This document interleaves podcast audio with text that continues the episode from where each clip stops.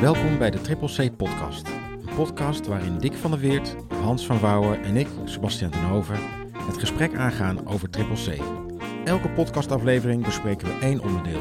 Dit is aflevering 14, in gesprek over Triple C en weerbaarheid. Welkom heren. Ja, dank je. Dankjewel. Aflevering 14, eh, niet in gesprek met, maar in gesprek over Triple C en weerbaarheid. Hartstikke fijn, maar wel met een gast, dus we gaan ook in gesprek met, eh, met Alex.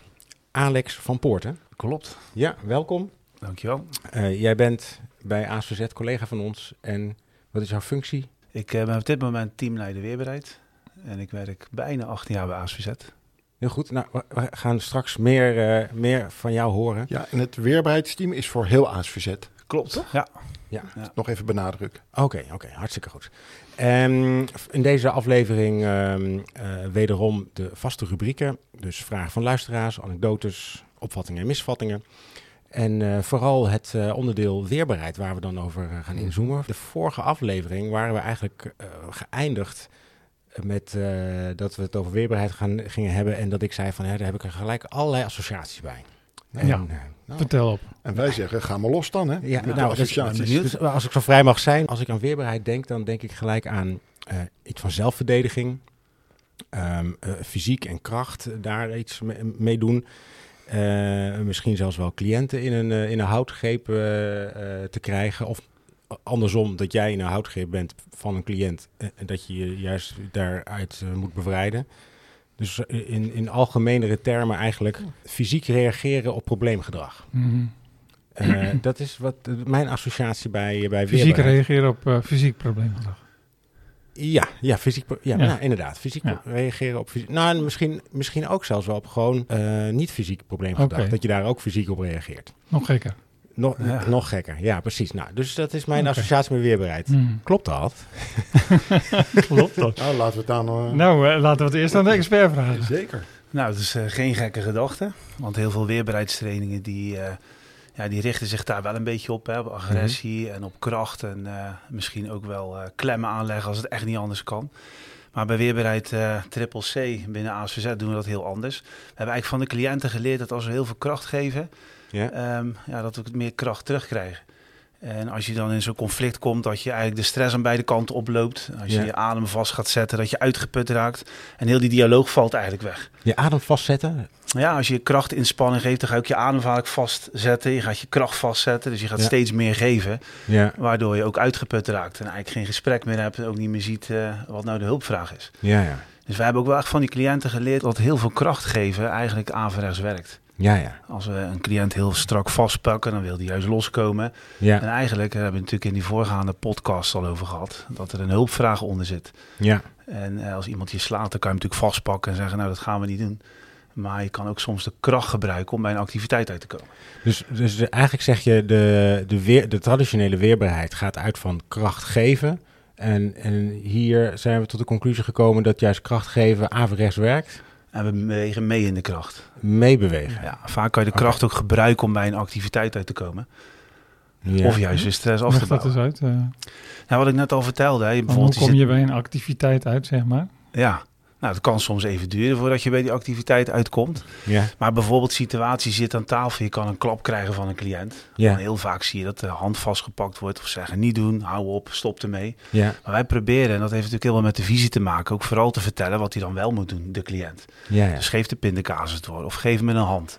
Of loop eventjes mee, we gaan het brood uit de vriezer halen. Dus zo proberen dan wel weer een activiteit ertussen te zetten, ja. zodat er ook weer een succes ontstaat. Ah, ja. Nou is het Ja. wel zo dat het soms wel even een half uurtje kan duren voordat je bij die tandenborstel bent.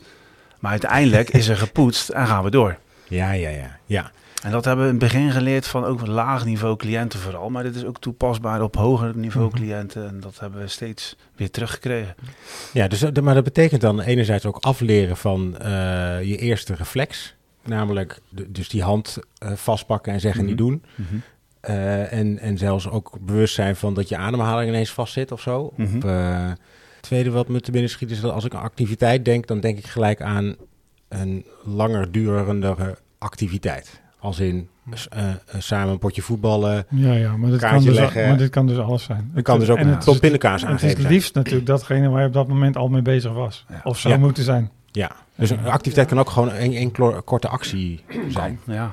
net, Jij eh, had het over het afleren van de reflex. Ja. Maar achter die reflex zit natuurlijk een denkwijze. Mhm. Als mijn reflex is, stop ermee. Ja. Of mijn reflex wordt, pak de koffie maar. Dan zit dat denken achter Mhm. de reflex. Want we kunnen honderd keer tegen iemand zeggen, ja, dat moet je zo niet doen. Ja. Maar dat, wat Alex mooi zegt, er zit een hele visie achter. Ja. Ja.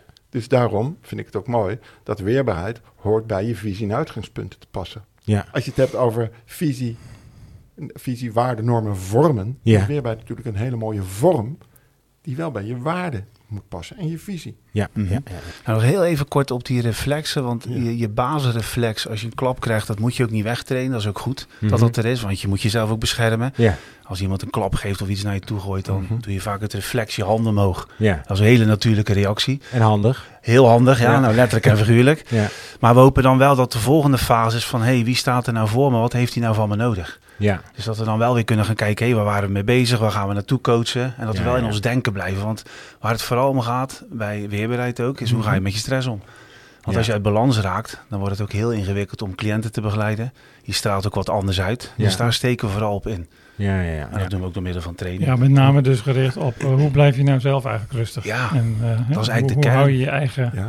Ja. stress onder, onder een bepaald level? Ja. Zodat die cliënt, eh, ja, zodat je niet nog weer, Ja. weer eens wat extra toevoegt aan die cliënt. Zeg maar. Ja. ja, hoe blijf je dus betrouwbaar en hoe kun je dus de stress hanteren Ja. voor die gehechtheid? Dat is natuurlijk de kunst, hè? Ja. Die stress kun je niet reduceren, hoe dan ook. Je kunt het wel zo hanteren dat het effectiever wordt voor die gehechtheid. Ja, precies. Dus ik zeg altijd stress, stress, stress. Oh jee, oh jee, oh jee. Samen wordt het weer oké. Dus als het mij lukt om die oké, die succeservaring te realiseren, Ja. word ik meer die betrouwbare ander. Ja. Wat zie je nou veel instelling? Stress, stress, stress. Ja. Ga jij maar naar je kamer even afkoelen. Ga Ja. jij maar even op het nadenkbankje zitten. Ja. Dat is allemaal prachtig. Ik, A, ik weet niet of de cliënt er al zich beter erdoor gaat voelen. Mhm. Maar er ontstaat geen gehechtheid. Nee, ja. Nee, Nou dus ja, dat is helemaal zo. niet prachtig. Nee. Nou ja, dank je Hans. Dat is een mooie aanvulling op Ja. deze... En ook met stress, hoe werk je nou samen in een dienst? Hè? Als je ziet dat je collega wat uit balans gaat, hoe vul je dan aan? Want onze ja, medewerkers, onze collega's, die maken echt wel gekke dingen mee op die groep. Hoor. Ja. Dus het is ook heel goed om daarin samen te werken Dat- en ook daarna een gesprek ook, voeren. eh, De, bela- een van de belangrijkste functies die, denk ik, van jullie, van Ja. jullie als team weerbaarheid, dat, dat, dat, we, dat jullie er zijn om die collega's te ondersteunen die dagelijks in de, ja. Ja. in de hectiek van alle dag eh, staan, Ja. zeg maar. Je doet het samen. En, eh, en die toch ook soms voor hele vervelende en ingewikkelde situaties Ja. komen te staan. En ehm, kun jij nog eens het ontstaan uitleggen aan ons, eh, Alex? Wij weten dat. Mhm. Maar voor alle luisteraars, hoe is dit nou ontstaan dat wij hier binnen ASVZ hebben gezegd... Mhm. wij willen eigenlijk eigen weerbaarheid ontwikkelen. Want wat was dan de tekortkoming van al die andere weerbaarheidspakketten die werden aangeboden? Nou ja, Hans, eh, ik weet niet eh, of jij het wil toelichten. Ja, ik wil dat ook wel toelichten, want het, is, eh, ik- het heeft te maken met jou, eh, eh, Sebastian, jouw eh, vraag van ja, wat die weerbaarheid, die roept iets bij mij op. Hè? Ja. Fysiek dit en fysiek dat. Nou, dat, dat klopt natuurlijk, dat hebben heel veel mensen. En wij hebben aanvankelijk, toen wij hier hele ingewikkelde, qua gedrag soms heel ingewikkelde cliënten hadden, heel complexe problematiek en met veel agressie, Ja. Hadden we aanvankelijk, eh, ja, deden wij natuurlijk ook wat iedereen deed. Ja. Dan maar iemand onder probe- proberen onder controle te houden en, Ja, eh, en, en rustig maken en proberen, wat meestal niet lukte. En dan, je had het net over kracht, Alex. Eh, meer kracht betekent ook meer kracht van die cliënt, maar dat, Mm. dat zie je ook als je dat niet alleen doet, maar met z'n tweeën. Dan, Mhm. gaat die, dan gaat die cliënt nog meer kracht vertonen. Ja, ja. En vroeger deden we dan nog, hadden we dan nog zo'n systeem dat je op een belletje duwde en dan, eh, en dan kwamen er vier, vijf man uit allerlei hoeken en gaten.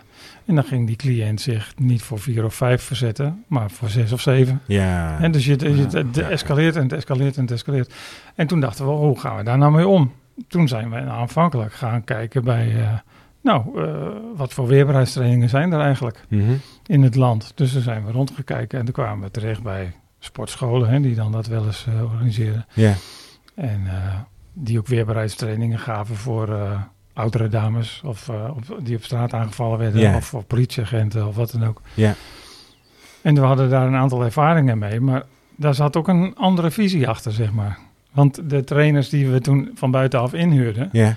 Ja, die zeiden van ja, als je bedreigd wordt en je wordt aangevallen door iemand, ja, dan eh, is de vraag van word jij uitgeschakeld of wordt die, eh, wordt die ander uitgeschakeld? Nou, dan moet je die ander natuurlijk uitschakelen. ja, precies. En Dus- wij hadden zoiets van ja, dat is leuk bedacht, maar wij willen niemand uitschakelen. We willen juist eerder cliënten inschakelen. Ja, en je wil samen verder. En we willen samen verder. Ja. Dus nou, dat bestond dus niet. Nee, nee. En toen hadden we Alex en eh, een collega van Alex, waar we, die, eh, die, waar we mee aan de tafel gezeten. Joh, we zijn hier, dit is het niet. Mhm. Toevallig hadden deze collega's, waaronder Alex, heel veel ervaring met eh, fysieke sporten, zal ik Ja. maar zeggen. Eh, en en eh, die zeiden van, nou, wij kunnen best iets anders verzinnen. Want als we dat vanuit de filosofie doen, we gaan naast iemand staan. En Ja. we gaan met iemand door een lastig moment heen. Ja. En we blijven bij hem en we gaan ons weer richten op wat Mhm. Alex net ook zei. We gaan ons weer richten op waar waren we ook alweer mee bezig. Ja. In plaats van we gaan nou eventjes pauzeren en, en, en, en uitschakelen tussen En aanhalingstekens. focus op het Ja. probleemgedrag. Focus, focus op de cliënt houden en, en op de Ja. samenwerking en op de, ge- op de gehechtheid, zeg maar. Ja. En op waar waren we ook alweer mee bezig. Mhm. Voor de houvast die die cliënt moet ervaren. En toen is dat eigenlijk dus ons eigen weerbaarheidsprogramma ontwikkeld. Op grond van Ja. onze triple C-uitgangspunten. Ja. Eh, en daar, eh, nou ja, dat kan jij beter vertellen, Nou Alex. ja, En daar toen dus- kregen we contact met een bedrijf wat conducteurs en buschauffeurs trainde. Oké. Ja, want dat zijn natuurlijk ook mensen die met fysieke agressie te maken Ja, hebben. ja, ja. Ja, die kunnen natuurlijk ook niet eh, klanten uitschakelen. Nee. Dus via dat bedrijf in co-productie met de know-how die ASVZ heeft, Ja. is toen dat weerbaarheidsprogramma Hm. opgezet. Ja. En Alex was een van de eerste weerbaarheidstrainers hier. En daarom heet het ook team weerbaarheid en niet team fysieke weerbaarheid. Ja, ik sloot in het begin aan vanaf de groep, want ik werkte nog op de groep. En later Ja. ben ik fulltime trainer geworden. Oké. En eigenlijk, wij werkten op die groep al heel anders. Want wat er aangeboden werd in de, de weerbaarheidstraining was inderdaad klemmetjes. Als het spannend Ja. werd, dan eh, ja, iemand vastpakken. Ja. Of misschien zelfs wel afzonderen. Maar wij werkten op die groep al anders. Want wij kwamen erachter als je wat aangeeft. En ik weet wel, in het begin was dat best wel een zoektocht. Want de cliënt die pakt ons heel hard vast. Dat was een jongen die ook eh, lang vastgebonden had gelegen. Volgens mij is hij een keer aan bod gekomen. Ja. En die pakte vast en die trok je naar beneden. Maar die ging eigenlijk net zo lang door dat hij gebeten had. Maar wij, elke keer als hij naar je toe kwam, dan gingen we eigenlijk al naar de grond toe. Maar op een gegeven moment dachten we, ja, hier komen we niet uit. Het wordt alleen maar gek, hè? Mensen Ja. raken steeds meer beschadigd. Dus toen zijn we eigenlijk gaan verzinnen, als die eraan komt, Ja. geven we hem een bezem aan. En dat klinkt heel gek. En dan hadden we nog een bezem, dan ging hij heel nonchalant staan vegen.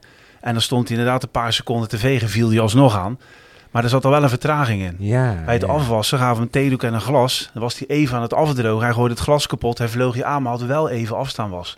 En Ja. zo gingen we in het begin met deze jongens, want het waren een stuk of vier, vijf, die van allerlei eh, windrichtingen bij ons gebracht werden. Zo gingen we een beetje het leven door.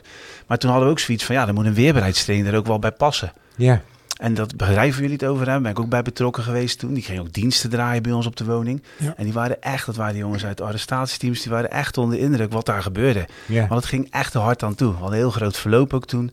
Gingen dingen kapot. Nou, soms hing eh, de spaghetti nog aan het plafond, bij wijze van spreken. Ja. Maar wat zij zo mooi vonden aan wat wij deden, en ook heel bijzonder.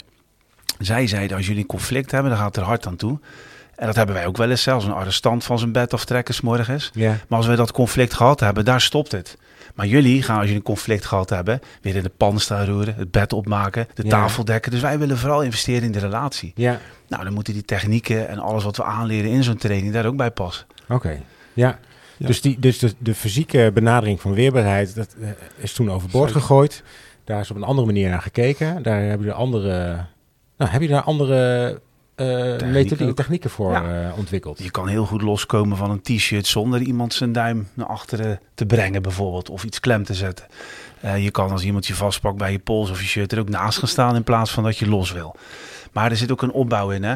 Ja. Ehm, we proberen natuurlijk altijd onder die ijsberg te kijken van hoe ziet het dagprogramma ernaar uit? Eh, klopt het allemaal? Heeft een cliënt wat te doen? ja. Ik ben pas betrokken geweest bij een situatie. Er stond een cliënt onder de douche en die viel steeds aan.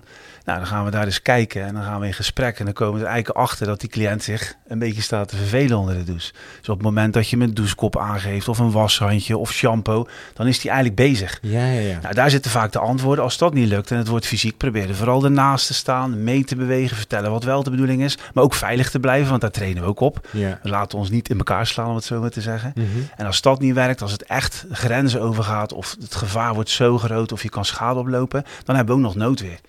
Ja. Want je mag jezelf op een gegeven moment natuurlijk wel proportioneel ook verdedigen. Ja, Maar er zitten gradaties in. oké.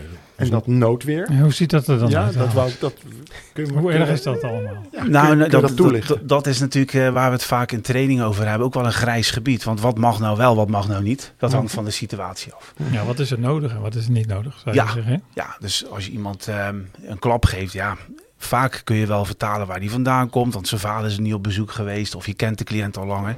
Maar als het echt dusdanig dat je geraakt wordt en je Ja. kan zelf niet meer verdedigen of iemand blijft maar op je inslaan. Ja, Ja. dat zijn wel situaties waarom je, waarin je wat op, op mag schalen. Ja, Dus dat ligt ook een beetje aan de situatie. Nou, proportioneel staat het een beetje in verhouding. ja, En eh, subsidiair zou het op een andere manier kunnen. We geven wel eens het voorbeeld in de training van de bus. Die situaties hebben we ook meegemaakt. Eh, je, zit, je bent aan het rijden met 100 km per uur over Ja. de snelweg. En Ja. een cliënt vliegt jou aan. Dus die pak je van achter de beet. de Jij cliënt vliegt jou aan terwijl je in de bus zit. ja. Ja. Je collega probeert hem dan nog een beetje ja, eh, eraf te halen, zeg maar. Zodat de bus recht blijft. Ja, Maar dat is natuurlijk een hele gevaarlijke situatie. Stel dat je over de kop vliegt. Je hebt de verantwoordelijkheid voor heel veel cliënten in de bus. ja, ja. Voor je collega en jezelf. Ja. In zo'n situatie kan je je voorstellen dat je wel wat opschaalt. Ja. Dus dan mag je misschien wel even een elleboog naar achteren geven om los te komen. Als het echt niet anders kan. ja, precies. Maar rij je met 10 km per uur het terrein af. Ja, dan kan je even op de rem trappen. En dan kan je op je gemakje loskomen. Ja, Dus dan is er een andere manier om onder het geweld vandaan te komen. ja, En zo wordt per situatie ook wel gekeken van, ja, wat is nou proportioneel? ja. En dat is niet anders dan op straat. Want dan Je moet had je het ook ook aan dat nog, soort eh. Bastiaan, Sebastian, jij vroeg ook iets over fixeren of zo. Dacht, eh, niet dat wij in de houtgreep genomen worden, maar nemen wij ook wel eens iemand in de houtgreep? En zo ja, waarom? Nou, in uiterste gevallen, als uiterst redmiddel om het gevaar af te wennen, kunnen we wel eventjes eh, iemand eh, vastpakken. Daar hebben we een, eh, een protocol voor. We hebben speciale fixatietechnieken ja. en daar hebben we bepaalde uitgangspunten bij. En zijn die anders dan andere fixatietechnieken? Ik zie wel een kleine beweging in Nederland dat iedereen wel wat Mhm. anders daarmee om wil gaan. Zeker. Maar je ziet ook nog heel veel situaties dat er op een pieper gedrukt wordt, dat er vier man komen, dat je op de Ja. grond gelegd wordt, dat je Ja. nog afgezonderd wordt. Dat is ook nog aan de orde. En Dat, je- dat je een Ja, pijnprikkel toegediend krijgt. Bijvoorbeeld. Hè? Ja. Oh ja. Ja, Maar nu zeg je wat we niet doen, maar wat doen we wel? Nou, wat we wel doen is eh, vooral meebewegende kracht. Het is vaak ook de cliënt die zichzelf naar de grond brengt en wij gaan eigenlijk mee in die beweging. We doen het in het begin ook alleen. Wacht even, Ja. ja. volg ik niet Ik snap helemaal. Ja, dus meebewegende kracht, dat, dat, dat mag je dan Even toelichten. wat, toelichten wat, wat het praktisch is. Maar de cliënt gaat naar de grond en dan ga je mee. Nou, stel, hè, je hebt wel eens situaties dat ze denken, die cliënt is onrustig. En nu gaan we ervoor kiezen om iemand naar de grond te brengen. Dat Ja. moet op zijn buik. Ja, Maar als die cliënt aan jouw shirt gaat trekken en hij trekt jou naar achteren, dan kom je op je rug uit. ja, Dus dan kun je beter meegaan in de kracht dan een hele strijd krijgen, dan hem op zijn buik te krijgen, zeg maar. ja, ja.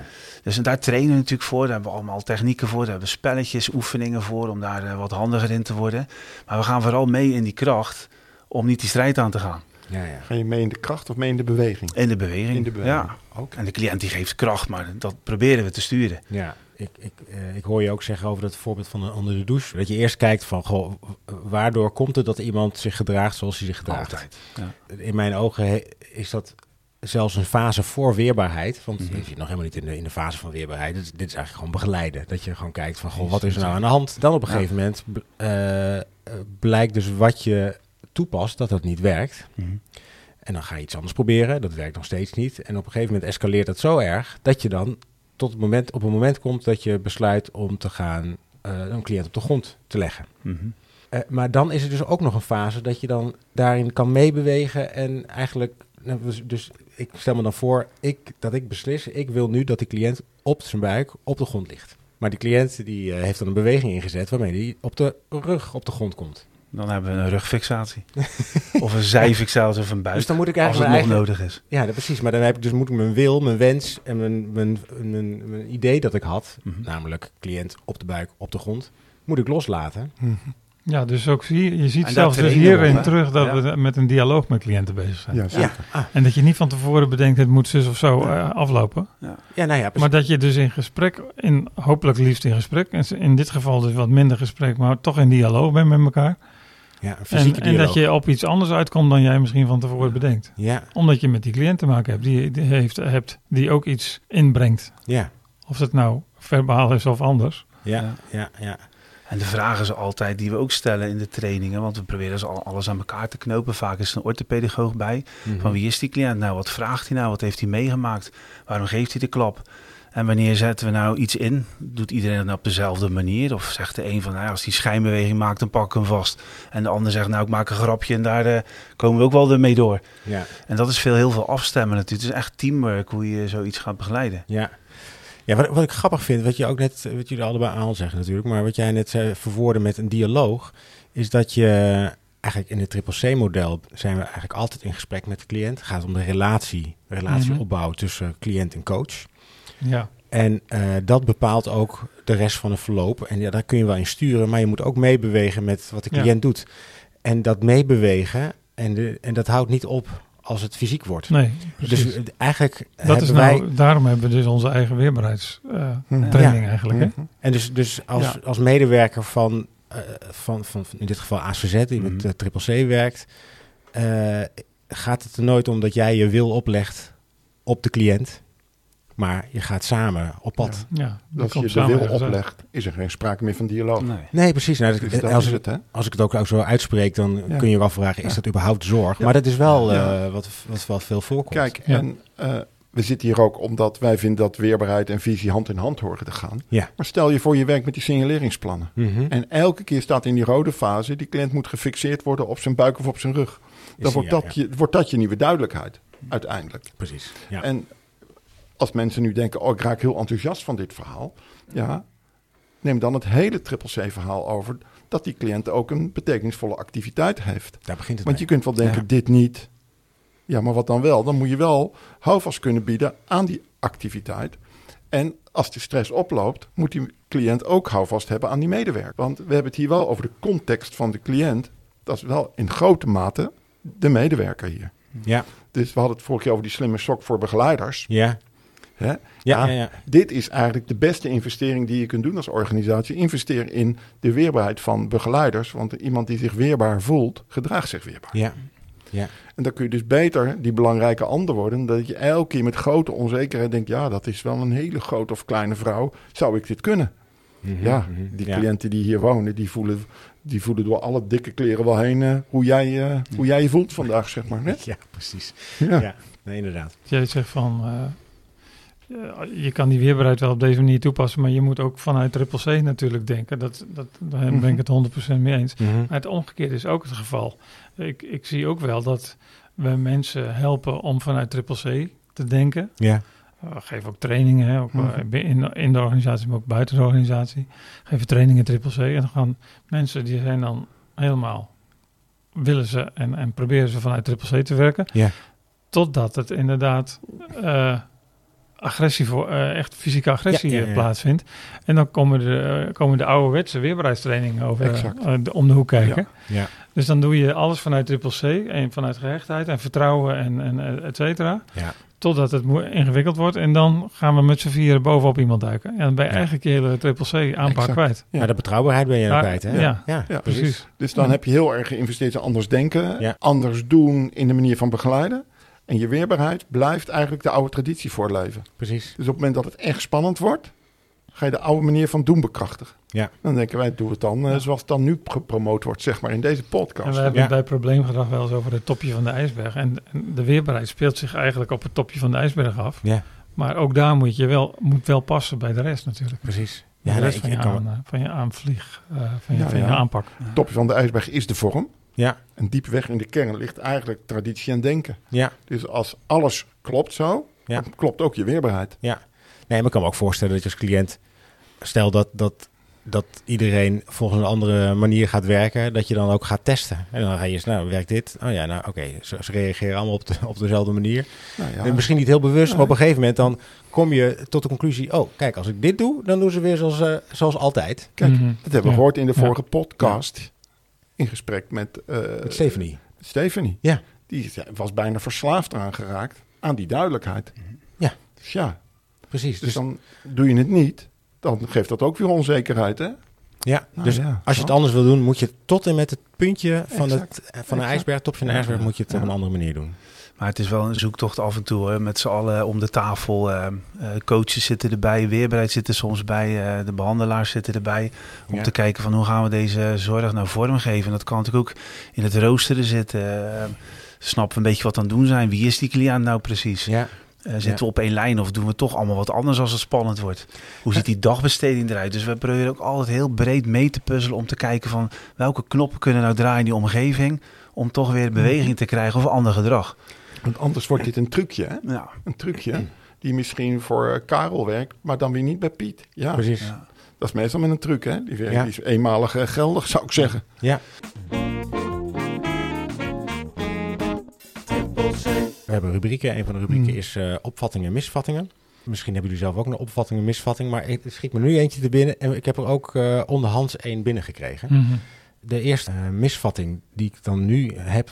Bij weerbaarheid denk ik altijd, je, ga, je, je, je wordt medewerker in de zorg en dan krijg je een weerbaarheidstraining en dan leer je dan eh, een beetje zoals, eh, wat is het, de BHV-training of Mhm. een brandveiligheidstraining. Eén keer in het jaar krijg je dan weer een hertraining en dan weet je van, nou dit moet je doen in deze situatie, dat moet je doen in dan die situatie. Maar als ik jou zo hoor praten, dan zeg je van, nou, dan gaan we in gesprek met de orthopedagoog en de teamleider. En dan gaan we kijken naar de situatie. Dat klinkt helemaal niet als een training. Nee, dat is wel goed dat, je, dat dit zo naar voren komt. Want als je zeg maar nieuw komt bij ASVZ, dan krijg je een basisdag 1 en basisdag 2. En dat is met allemaal verschillende mensen. Die komen van verschillende windrichtingen. Dus dat kan uit Rotterdam zijn, we allemaal binnen ASVZ, Ja, maar van verschillende woningen. ja, En die training is opgebouwd van, nou, hoe ga je met je spanning om? Wat is, welke vorm van agressie hebben we nou? Wat kan je eventueel doen? Dat topje van die ijsberg, die visie zit er al in. ja. Maar we gaan ook de mat op om dingen te ervaren. Dus ook om veilig te blijven. Je leert als je een klap krijgt, als je vastgepakt wordt, als je aan je haren getrokken wordt. Hebben we allemaal technieken voor. En dan hebben we het natuurlijk ook over noodweer. Hè? Mocht het echt gevaarlijk worden, wat Ja. kan je doen? Hoe daar kijken we ernaar? Wat zegt de visie erover? Ja, Die basistraining krijgt iedereen. Dan gaan ze in principe in de praktijk werken. ja, Na een aantal weken dan hebben ze natuurlijk ervaren wat het is, die praktijk. En dan komen ze in dag twee terug. En dan gaan we casuïstiek bespreken. Dus van, nou, wat maak je nou mee? Op die woning wordt het specifieker. Maar er zitten ook de grondfixaties in. We maken het wat realistischer, zodat mensen daar ook een beetje handig in worden. Ja, ja. Want ik merkte net al, door het uit te leggen zo via die microfoon is moeilijker dan het te laten zien en te ervaren. Want zo is zo'n Ja. training opgebouwd. We hebben geen camera, dus we kunnen hier niet even... Nee, snap ik. Nee, dus Nee. we moeten het toch met woorden doen. De mensen zien niet dat wij nu op de grond liggen. Dus, eh, Nee, precies. Nou, het gaat nog goed, toch? Niks Ja. gebroken. maar goed, en daarna als iedereen dat gehad heeft, elk jaar kom je met je eigen team binnen intensief terug voor de onderhoudstraining. En die Oké. onderhoudstraining is met je eigen team. Dan ga je het over je eigen cliënten hebben, vaak met een orthopedagoog erbij. Ja. Om echt die verdieping te zoeken op casuïstiek niveau van hoe gaan we dat nou aanvliegen morgen. Ja.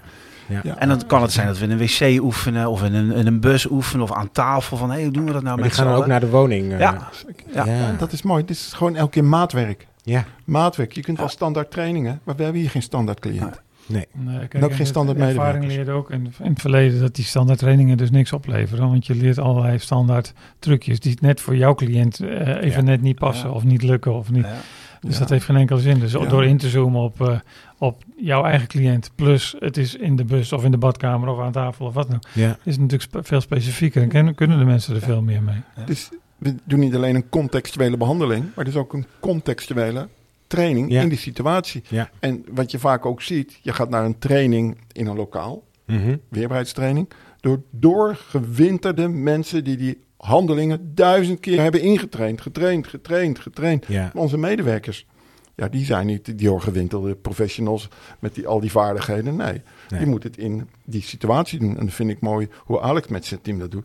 In de situatie. Ja. Oefenen, oefenen, oefenen. Ja. En een ruimte van, in een wc van 1,30 meter bij 1 meter. Hoe ga je dat dan doen? Ja. Ja, Ja, nou, dat vind ik het mooie daaraan. Ja, dat is zo mooi als je dat doet, dat dan de ene begeleider zegt, hé, hey, grappig, daar had ik niet aan gedacht. Dat doe ik heel anders. Of van, hé, hey, moet dat hier wel? Of aan welke kant ga je nou staan? Ja. Of eh, moeten we nou alvast met dat haswashandje klaarstaan? Ja, of precies. moeten we vast de douche aanzetten, hè, om duidelijk te maken wat de volgende activiteit is? Ik noem maar wat. Ja, en heel praktisch. Dus daar, iedereen heeft er gelijk wat aan. Het is niet voor de willekeurige of voor de, voor de, de, de doorsnee cliënt. Het is voor die cliënt op die Ja, woning precies. Ja. in die Ja. situatie. Kijk, ja. en ik ken de meeste weerbaarheidstrainers. Die komen allemaal uit die situatie. Die Ja. hebben dit allemaal honderden keren meegemaakt. In een Ja. eigen woning, in een eigen werkplek. Dus ja, je krijgt dus... Het is misschien wel training, Maar het is bijna coaching, hè? Ja, Voortdurend. Ja, ja. Voortdurend slijpen. Wat zie ik? Wat doe ik? Hoe kijk ik? Nou, want de antwoorden zitten vaak in het team. Maar door weer eens vragen te stellen, even bij elkaar te gaan zitten. Hé, waar zijn we mee bezig? Waar willen we naartoe? Wat gebeurt er? Ja, ontstaat er altijd iets. Ja, Dus wij hebben de antwoorden niet. nee. Maar samen Nee, dus kom je ergens op. Je ziet, je ziet er wel gespierd uit, maar eh de sterkste punt is eigenlijk vragen Ik stellen. zit mijn adem in te houden. Ja, ja. Ja, ja. Is het eh, zo spannend hier? Ja, precies. Ja, dan lijk ik wat groter. Oh. Eh, een tweede misverstand, die kreeg ik eh, onderhands eh, binnen. Of een misvatting, moet ik zeggen. Eh, en die luidt als volgt. Werken met triple C is niet geschikt voor vrouwen. Eh, want, eh, eh, ja, ik zie, ja, ik Ja. wel gelijk... eh, Ik denk, mijn hemel. ja, nee, want... eh, Leg eens uit, eh, Sebastian. Doe dat precies. maar. de- Je stuurt in de vorige afleveringen, daar werd ook wel eens gezegd van, dan word je gegrepen. Nou, hier horen we dat ook. Hè. Er, komen situaties voor die heel fysiek zijn. Als je kijkt naar eh, sommige woningen, het zijn allemaal eh, boomlange kerels als collega's. Dus dat geeft ook al een bepaalde Mhm. indruk. Dus het, er ontstaat dan het beeld dat je, wil je dit werk doen en wil je dus met triple C werken, dan moet je fysiek en sterk zijn. Dus dat is iets voor grote sterke mannen. Mhm. Oftewel, niet zo geschikt voor vrouwen. Ja, Is dat een misvatting dat of is dat- een flinke misvatting? Ik is, vind het een Ja, misvatting. een behoorlijke. Nou, kijk, Ja. tri- we hebben het er al meer- meerdere keren natuurlijk in eh, deze serie over gehad. Triple C gaat over eh, betrouwbaar zijn. Ja. En dat kunnen vrouwen echt ook wel. En, eh, en, en vertrouwen opbouwen. En, en, en cliënten helpen om meer zelfvertrouwen te ontwikkelen. Ja, Eh, met eh, bezig zijn met wat heeft die cliënt nou eigenlijk nodig. We hebben het gehad over sensitiviteit. We hebben het over responsiviteit gehad. ja. En dat is allemaal triple C. En eh, ik denk dat er geen man of geen vrouw is die zegt van... oh, dat, dat past niet bij mijn, bij mijn geaardheid of bij mijn geslacht... of hoe heet dat? eh, gender. Dat ik een man of een vrouw ben of een, of een het. Ja. Dat, dat, dat past hier niet bij. Dat is, dat is natuurlijk cool. We hebben het over triple C en dat kan je uitvoeren bij hele kleine kinderen... ja, bij, eh, bij demente bejaarden, om maar eens wat te noemen. ja, Bij alle soorten categorieën mensen. ja, Nou zijn er een aantal eh, cliënten bij die misschien cliënten die misschien hele grote sterke kerels zijn ja, en die, die ja, fysiek jou de baas zijn als begeleider Ja. of als de vrouw is als begeleidster. En dan moet je het nog steeds hebben van, eh, van je denken en van je manier van kijken Mhm. en van hoe wat voor beeld je hebt van die cliënt, et Mhm. cetera, ja, om de kans op strijd te verkleinen. Zeg ja, maar. ja, En ik kan me wel voorstellen, er zijn, er zijn ook wel een paar cliënten bij waarvan ik denk, ja, dat, dat snap ik dat dat heel lastig is. ja. Als jij niet, niet per se een vrouw bent, maar als jij een, een, een klein postuur hebt en, eh, en niet veel spieren, Mhm. dat het dan ingewikkelder is dan wanneer je een grote kerel bent met, eh, ja, die, die, die goed ge- getraind is, zeg maar. ja, Maar dan gaat het over de soort cliënten en dan gaat het Ja. niet over triple C, zeg Nee. maar. Hè? ja, ja, Gaat. Maar soms zie je ook wel eens dat cliënten minder hard inzetten bij vrouwen dan bij mannen. Dat Ja, zegt ook wat over ons natuurlijk. Ja, Want wij stralen misschien ook wel wat uit als we binnenkomen. Ja, kijk, ik heb mijn postuur in dit gesprek even niet mee dan, hè. Twee meter. Eh, Ja. Voor je het weet, zou ik een soort eh, WZD-maatregel kunnen zijn. Grote mannen. WZD, wet, Ja, en dwang. Die je niet hoeft te registreren. Daar ga ik altijd vanuit, hè. Daar ben ik Ja, altijd heel... Als ik naar teams kijk, denk ik, ja, hoe zit dat dan hier? Als je zegt, hier kunnen geen vrouwen werken. Ja, Wat zeg je dan, wat zeg je dan eigenlijk? ja, Straks kunnen hier geen mannen meer werken onder de 1,70 meter. ja, precies. Straks kunnen Ja. hier geen mannen meer werken die niet aan aikido doen, aan judo, aan krachtsporten. Mhm. Dus dan zit je volgens mij in de hele andere denktrand. Je Ja. bent dus eigenlijk voortdurend bezig met het beheersen van probleemgedrag. Mhm. En veel minder bezig met het gewone leven ervaren. Ja. En is Er komen vrouwen voor in het gewone leven Exact. inderdaad. Ja, Die gelukkig maar. wel eens, hè? Nee, dus, ik snap, Ja. dus, dus het Ja. punt is gemaakt, hè? Dus eh triple punt C, is gemaakt. Het, het- triple C is, is eh, niet onderscheid, of nee, is on- maakt geen onderscheid in, eh, in of je man of vrouw eh, als begeleider moet zijn. Nee. Het kan zijn dat sommige cliënten eh, fysieker zijn en dat, dat dus er ook wat, wat fysiekere begeleiding nodig hebben. Ja, nu ik het zo zeg, denk ik, ja, dan hebben we helemaal, Ja. dat, dat hebben we volgens mij Ook juist in dan het koers je begin. weer op dat probleemgedrag. Ja, precies. Nee. Ja. En het gaat over die sensitiviteit. Ja. Precies. Kan ik het aanvoelen? Kan ik mezelf inzetten? Kan Ja. ik mezelf inzetten? En wat bedoel je met jezelf inzetten? Eh, wij noemden die training die we ooit in de jaren negentig hebben ontwikkeld zelfhantering. Ben ik in die mate zo sensitief, reflectief? Kan ik mijn stresstolerantie gebruiken? Mhm. Dus zo hanteren dat het nog eh, dat ik het in kan zetten in die begeleiding. Nou ja, Ja, dat is natuurlijk... Zelfbewustzijn. Zelfbewustzijn. Nou ja, zelfbewustzijn, Ja. maar ook eh, je eigen stress eh, laag houden, zeg maar. Hè? Ja. Je, je ervoor zorgen dat je niet zelf te veel eh, in de hoog in de, in, eh, te hoog in de emotie zit. Ja. En dat is volgens mij veel belangrijker dan, dan of jij een man of een vrouw bent. Ja, ja, ja. Want op het moment dat jij heel zelf gestrest wordt, dan dan gaat een gedeelte van die trainingen natuurlijk ook over. Voel je Mhm. nou hoe je zelf gestrest wordt en ervaar je dat? ja. En eh, als je dat in de gaten hebt, dan kan je dat ook wel een beetje reduceren. ja. Het, gaat, het is veel belangrijker dat jij rustig kan blijven in Ja. lastige situaties. Dan, dan of je een man of een vrouw bent. ja. En mannen die niet Zeker. rustig blijven, die roepen ook heel veel gedoe Ja. over zich af. En vrouwen die wel rustig blijven, die kunnen het goed aan. Het zit zo van een houding uitstraling. Ja. Zo Ja. Het zit ook in ons denken. Want ik, ja, Alex heeft op een FIC WordCamp gewerkt. Heb ik zelf ook gewerkt in de jaren, nou ja, 90 zal ik maar zeggen. ja. En, dat, en toen daar vrouwen in het team kwamen, Mhm. toen gebeurde er ook iets in het denken van die mannen die daar werkten. Het was net of ze die vrouwen wilden beschermen. Oh, Dus ze waren niet alleen be- bezig met die cliënt, maar ook gaat het wel goed met die vrouw. Dus daar heb ik heel veel aandacht aan moeten besteden. De vrouwen die hier werken, kunnen dit heel goed. Die Ja. zijn geselecteerd op hun bekwaamheid. En je hoeft niet de prins op het witte paard te zijn om hun te beschermen. nee, precies. Nou ja, Ja. En kijk maar in de praktijk, daar, daar lopen ze overal rond. De vrouwen, zeg maar. Ja, en in nee, mijn ja. team zitten ook drie vrouwen in het weerbaarheidsteam. kijk. Die hebben ook overal gewerkt. En ik heb ook in de praktijk echt gezien, ook op die groepen waar grote, sterke, zware cliënten voor je stonden, dat er Ja. dan een dametje stond van eh 1,65 en die keek omhoog en die zei, ik ben hier om jou te begeleiden. Niet zo boos kijken, want we gaan een broek aan doen. Dus het zit, als, ze, ja, als het op vechten aan zou komen, ja, dan ook ik hoor. Ik trek het dan ook niet tegen dat soort Nee, jongens. precies. Maar het zal hem zo in de houding uitstaan. Ik ben er voor je en ik ga je nou helpen. Dat, ja, Ja. En, en voor je het weet gaat nu het eh, gesprek hier over vrouwen. Maar het gesprek zou eigenlijk moeten gaan, wat zit er nou in ons denken? Ja. Waardoor we Ja. dat eigenlijk... Wat over anders denken, Denken. en anders kijken. Exact. Ja. Nee, precies. Nou, wat dat een hele Ja. mooie Ja. misvatting die, eh die Nou, langs kwam. even rechtgezet. Ja, recht. Oké. de rubriek eh, anekdotes. En eh, dan ehm, eh, is de vraag aan jullie of jullie nog een interessante anekdote weten uit het rijke verleden van eh Ik weet, het, ik weet niet eens En of het een dan- anekdote is, maar wat er vroeger gebeurde, ik, ik heb het al eerder geroemd, dan had je een alarmsysteem. Ja. Dan duwde je op een pieper en dan kwamen er van drie, vier, vijf, zes verschillende woningen kwamen de mensen om dan die begeleider te, te helpen. En wat er toen gebeurde, dan moest die cliënt onder controle gehouden worden. Mhm. En die moest be- eh, op uitgeschakeld worden eigenlijk. Ja. Werd hij ook nog vaak, was dan ook nog de bedoeling dat hij naar een zogenaamde time-out eh, ruimte ging. Of, of separeer zou je dat tegenwoordig Ja. eh, noemen. En ehm, dat leverde heel veel stress op voor iedereen. En het leverde angst op en, Mhm. en onveiligheidsgevoelens van Mhm. het team. Mhm. Bij het team en uiteraard bij die cliënt ook. De ene traumatische ervaring na de andere deden die cliënten op op die manier. Mhm. Dan was er ook nog een gesleep van de plek waar iets gebeurde naar die time-out ruimte. En eh, in, in, die, in, dat, in die afstand die dan afgelegd moest worden, daar gebeurden eigenlijk de meeste ongelukken. Ja. Dat, dat ben ik dan nog wel eens, heb ik dan nog wel eens uitgezocht. Dat, dat, dat de schade die opgelopen werd door het incident zelf, of door die klap, of door die wat dan ook, Mhm.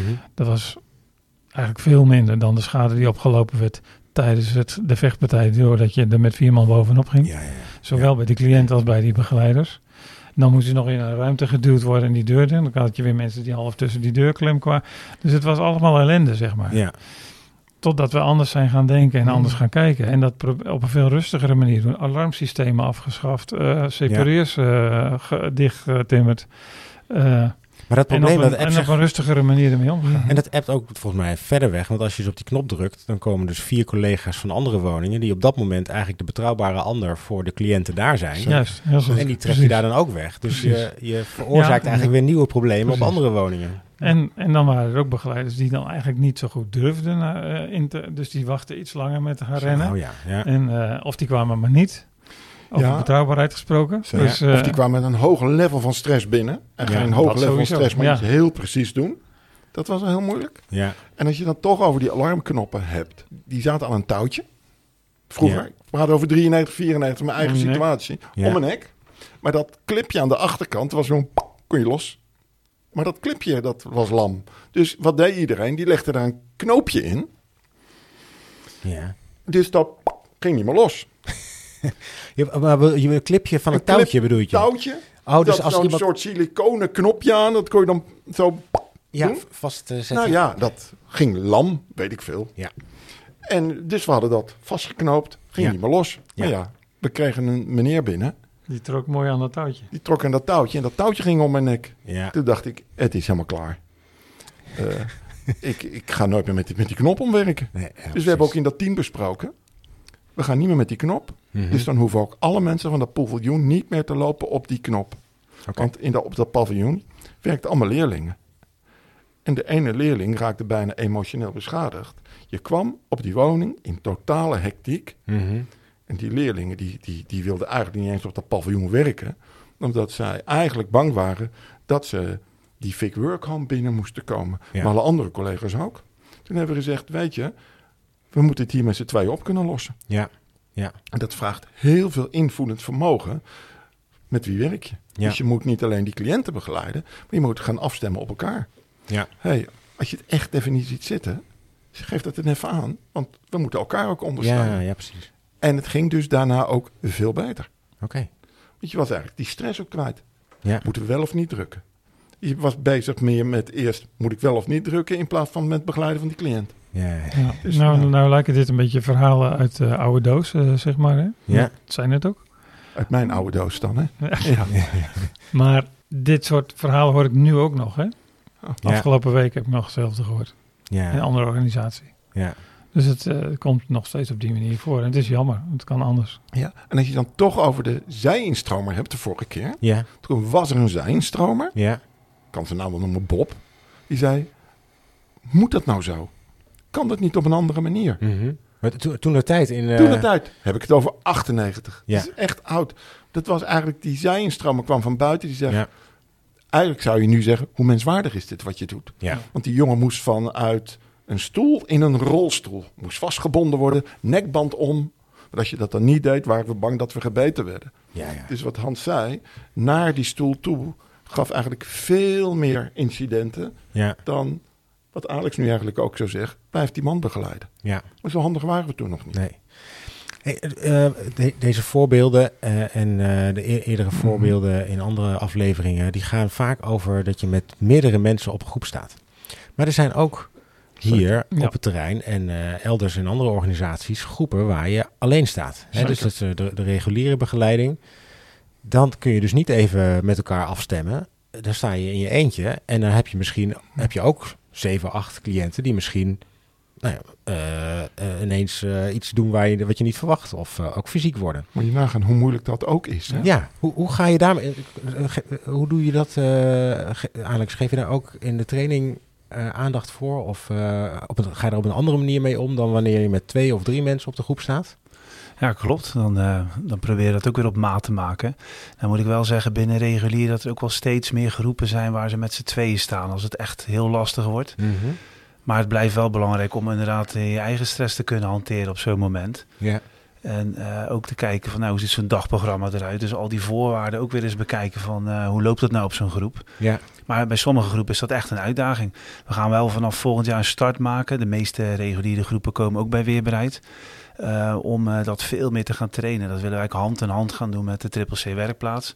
Ja. Dus met visie en casuïstiek met weerbereid, hè, of daar een Ja. combinatie in. Ja. Dus ook om veel meer die groepen te gaan ondersteunen. Want we zien ook dat er veel meer VG7's komen wonen. Op sommige groepen ook een eh, dwangbehandeling grondfixatie. Hè. Dus in het Ja. uiterste geval mag dat ingezet worden. Ja. Maar ja. daar, daar, is, daar moet natuurlijk ondersteuning voor komen. ja. En waar nodig nu is dat er ook al. En VG7 is de, zeg maar de, de groep met de in- Ja. intensiefste... Intensieve begeleidingsvraag. Ja, Precies. En Ja, want- staat hier niet omdat het lastig is met z'n tweeën, maar omdat het intensiever is. Hè? ja. Zo wou ik nog eventjes... Oh, eh, typeren. Ja, ja, ja. En wat we ook doen, dat is misschien nog goed om te noemen. Ik ben van de week, of na anderhalve week zo, de laatste anderhalve week bij drie reguliere groepen geweest.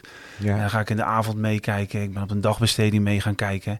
Om gewoon eens even mee te denken. Wat gebeurt er nou? Wat handvatten te geven. Dus Ja. vanuit Weerbereid coachen we ook heel veel. Oké. En daarna sluiten we misschien aan bij zorgoverleg. Of individueel met medewerkers gaan we aan de slag.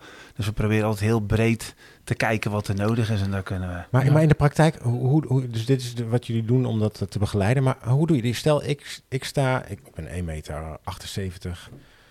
eh, ik ben niet heel erg breed, maar ik sta dan op een, eh, op een groep met... eh, Alleen. Alleen. Alleen. Alleen. Alleen, Zeker. precies. Ja. En, eh, Met acht cliënten of zo. met Ja. acht cliënten. Soms wel negen. Ja. En, eh, en twee hebben slecht geslapen. En de andere heeft ruzie gehad op de dagbesteding. op zijn- en, Dan en heb ze je komen weer terug. Ja, hoe, ja, hoe kan ik dan nog vertrouwen Ja, hebben maar- dat het... eh, ja, volgens mij gaat het nu de kan- verkeerde kant op. Het ging Goed. over triple C.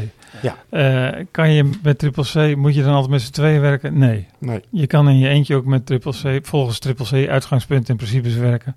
Je kan naar de behoeften van de cliënt kijken in, plan, in plaats van naar zijn stoornis en zijn probleemgedrag. Ja. Je kan aansluiten, je kan menswaardig maken, je kan aansluiten bij wat hij nodig heeft. Dus dat, dat kan je in je eentje allemaal doen. Als je één of twee of drie of vier of zeven of acht cliënten hebt, dat kan allemaal. Ja. Wanneer we hebben het over twee begeleiders op een groep. Als we met z'n allen inschatten dat er één of meerdere cliënten zijn waar je beter niet in je eentje mee kan werken, waar je dus eh groter risico loopt, zeg maar. ja, ja.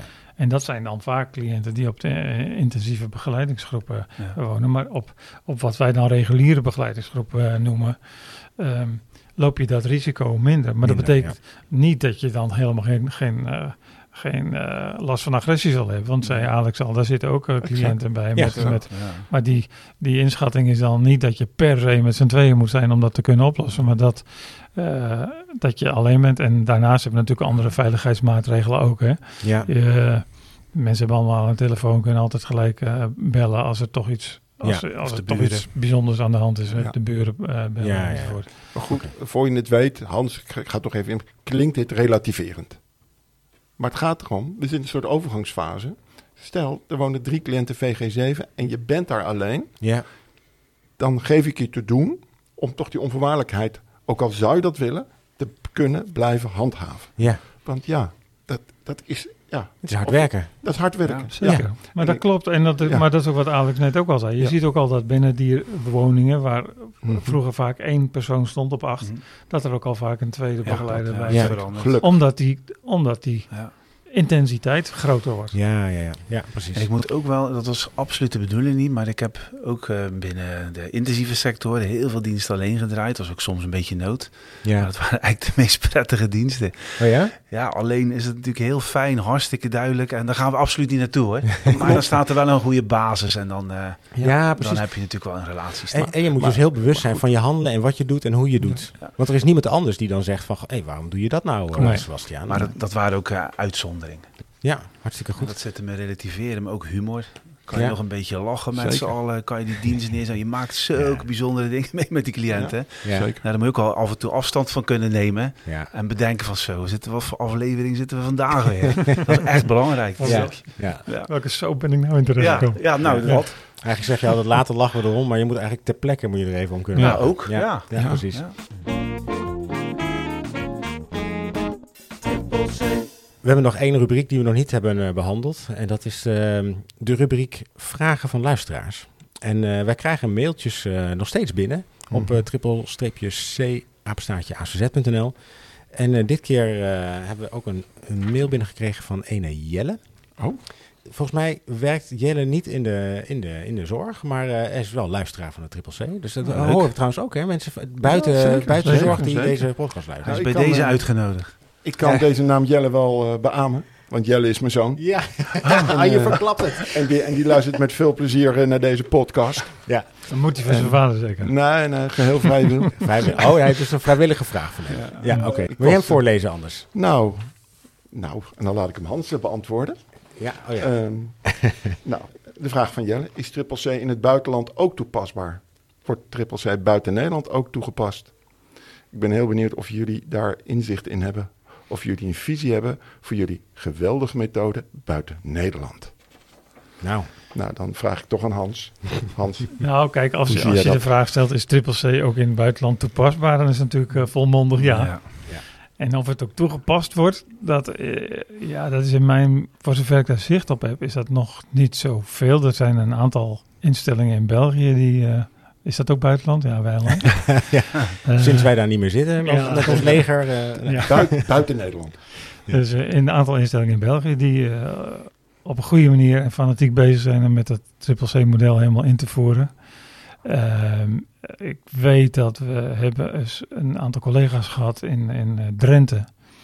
die eh, bij, bij de instelling Frion werkte. En die zijn eh, in naar Hongarije, Hongarije. verhuisd. Jan Oh. Katara. Eh, ja, en eh, die, eh, die zijn naar Hongarije verhuisd. Die hebben daar een, een project voor mensen met een verstandelijke beperking opgezet. Een soort dagbesteding, half wonen, half dagbesteding. Ja.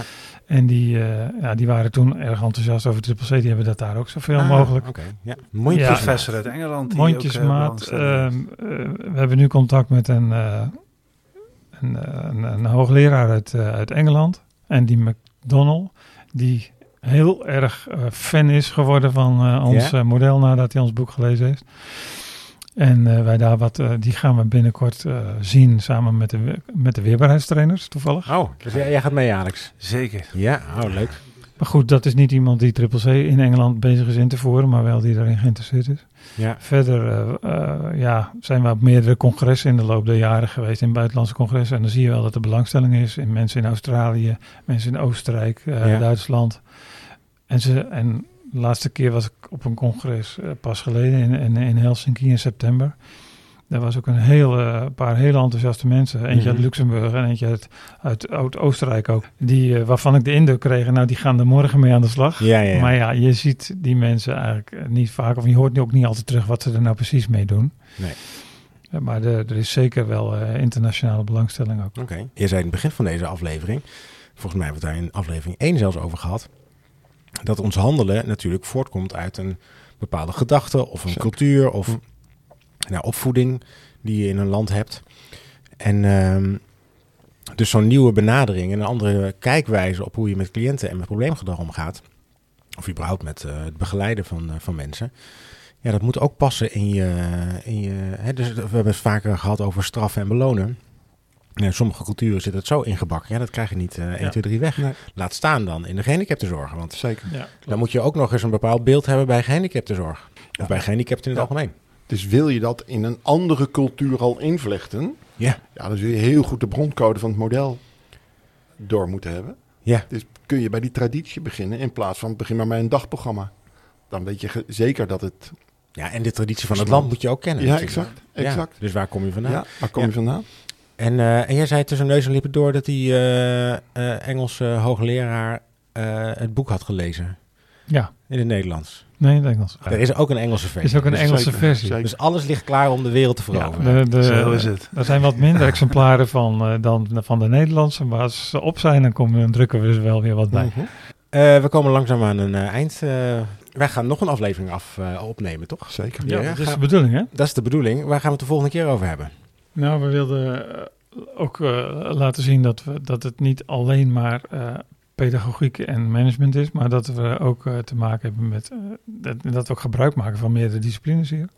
Dus we gaan volgende keer in gesprek met een, eh, een van onze therapeuten. Ja, En gaan we kijken wat is dan de link met, met de orthopedagogische triple C begeleiding, behandeling en het bieden van therapieën. ja. En we nodigen een, eh, een dokter uit, Oké, een arts. een ja. arts VG zoals dat tegenwoordig heet. Ja. Een arts verstandelijk, ja, het zou eigenlijk arts VB moeten heten, arts Ja. verstandelijk beperkte, maar het heet nog arts verstandelijk gehandicapten. Ja. En eh, gaan we kijken, we gaan weer in dialoog zou ik maar Ja, zeggen. ja, dus we zeker. weten nog niet wat eruit komt. Zo is dat, hè? Hartstikke goed. Nou, dus Ja. we zijn nog niet klaar met deze, met deze serie. Nee, Eh, in de tussentijd eh, staat onze mailbox nog steeds open voor vragen. zeker. Eh triple-c apenstaartje acz.nl. Alex, hartelijk dank voor jouw aanwezigheid en je heldere uitleg over weerbaarheid en triple C. Graag gedaan. Eh, jullie ook weer bedankt heren en eh, tot de volgende keer. Ja, tot de volgende keer. Oké.